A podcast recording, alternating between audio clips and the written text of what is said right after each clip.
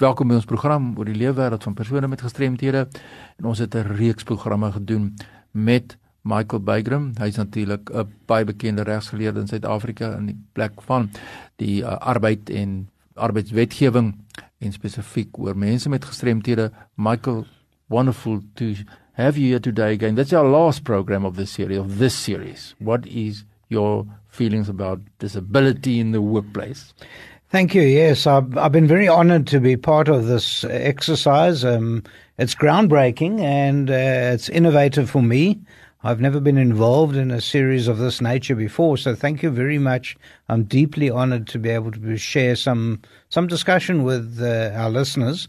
I also want to say that this has been a long time coming. We hear very little about it. Somehow it's hidden away at the workplace disabilities are somehow the, the Cinderella of employment, and That's no one wants to hear about it. Everyone hides it away.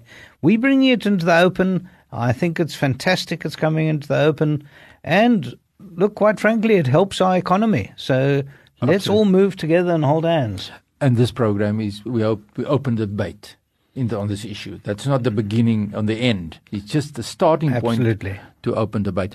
Let me start with the first question. How do I calculate the value of each person with a disability that I take on, it's coming from an employer for BEE scorecard? So the BEE scorecard issue comes up. Do only people of color contribute to the scorecard, the issue of where disability fits in the process? Yeah, we come from a very fractured past. You must understand the, the reason for the BE legislation that is now on the statute book and has been for many years.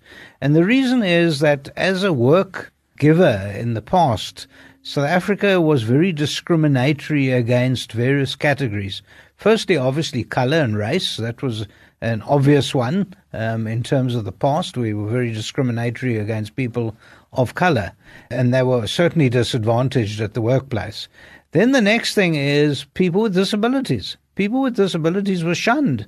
Uh, very seldom did you see workplace wanting to actually open the doors and say, "You've got a disability. Let's see what you can do. Let's see how we can train you and how we can accommodate." They didn't ever ask those yeah. questions. If you saw someone in a wheelchair, you say, uh uh-uh, uh, no good for me. Next, please. Now, that is the most demeaning thing on earth. And then, of course, we, we did discriminate against women. And so those three categories were very important to somehow right the issues of the past. And how did we right the issues of the past? We had to put legislation in because in the beginning, we found that when businesses were told hold on, you're discriminating against people before we legislate. And they didn't legislate immediately. Before we legislate, we want you to start accepting people of color. We want you to start accepting disabilities and women. And business community didn't come to the party. Some did, but most didn't. And we saw that those figures still languished right at the bottom. And especially the most discriminated group of people were those with disabilities somehow we never ever got anywhere. And even now with the legislation, with the BE legislation, we don't even hit 1% of the workforce. When we know that disability that could be in the workforce is almost up to 6%. We know that. And we're still at one sixth of what it should be. The minister herself is saying we must try and aim for 3%. But that legislation is absolutely vital. Now, how can it change that? What do you? Well, we've got the we've got the stick. The stick is the legislation, and I think the one way of doing it is, of course, sending more and more inspectors out there and letting people with disabilities come forward. Very seldom does someone phone my office, my attorney's firm, and say to me, "I didn't get the job because I have a disability." Now, I know there are hundreds, probably thousands of people who don't get jobs because of their disability, but all they need to do is pick up the phone, phone legal aid, phone attorneys, phone a group that can actually advise you, and then say, let me take this up. Now, you're not taking up the fight for yourself. Yeah. You're taking up the fight for disability. And there's a big difference in that. In other words, it's not a selfish exercise. This is an exercise where you're correcting the wrongs of the past, which are very much there. I have had um, some intervention with the disability sector where I had suggested at a seminar recently that we actually put together a helpline and a legal helpline for the disability sector that all the disabilities band together, they put a little bit of money together so that we can employ a lawyer And we can then have a, a an 0800 number where people can get hold of them. It doesn't have to be the person with disability, maybe their advisor, and to say, let's get going. Here's, here's a problem. Let's get going. What do you suggest? How do we move? And who do we get hold of? Yeah, that is the way forward. We hope in our next series in future we can address more specific questions. So please, if you have any questions, come forward. Then we bring Michael in, and then we can do some more programs on this issue. Michael, the law, very last question of this series is policy a person right, why do I need to address disability in the company's policy? What elements need to be addressed in the policy? Can I get a standard policy on disability which I can draw up my own policy? So the the lack of information about what is a policy all about. So there's no time today. We're almost finished with this program. But what would your advice be to people that are not sure about the issue of policy and what must the first step and what are the steps they must follow and where is advice that they can get to address this issue because the policy is crucial. It's actually the beginning of the process. Yeah, without a policy, you don't have a guiding light. Uh, we all have to go back to the original policies. We've got to go back to a book of how you would handle disability. And you need it, you need to ensure that it's fair and reasonable and accommodating.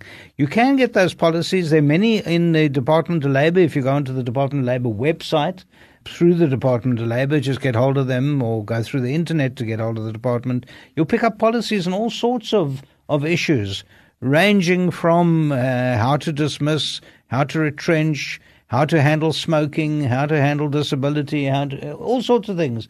And those policies are an unbelievable eye opener. And I would ask employers to start doing that research. Most most employers don't have any policy at all, and then they can't move because they don't know how to actually handle the policy. It also is very good to guide your own HR on this, and then for future employees with disabilities, they would ask, "Do you have a policy on disability?"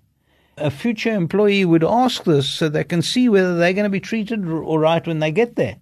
If I had a disability, I would ask the employer, do you have actual policies? How are you going to handle me? How, am I going to be happy there? Am I going to be discriminated against? Or am I setting myself up for failure? Ja, so die begin en die einde is eintlik maar gaan oor die beleid. En ons kan ook maatskappye se aandag dan dan vestig daarop en ons kan ook mense soos ek kan sê challenge like Michael said just now, we challenged as a person with disability, we have the right to ask questions. Dit gaan natuurlik tot gevolg hê dat ons soms onsself moet blootstel, maar die boodskap vir my gaan deur dat soos Michael verskeie kere in hierdie reeks gesê het, dit gaan ons doen baanbrekerswerk vir die wat na ons kom en die wat nog moet kom as ons die vrae, die regte vrae begin vra. Maar die strukture is daar, structures is in place, Michael.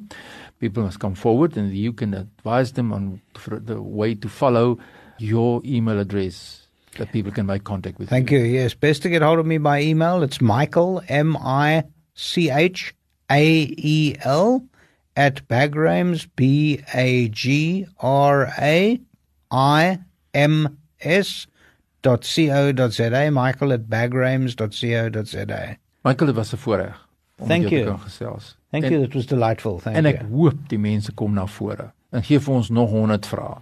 En dan bring ons jou terug en dan doen ons nog 'n reeks. Absolutely, I'd be very honored. So the ball is in your hand. Please come forward. Give some information and questions through to us and I'll make sure that we bring Michael back to answer your questions. If you want to input in this program or questions, please send an email to fani.dt mweb.co.za.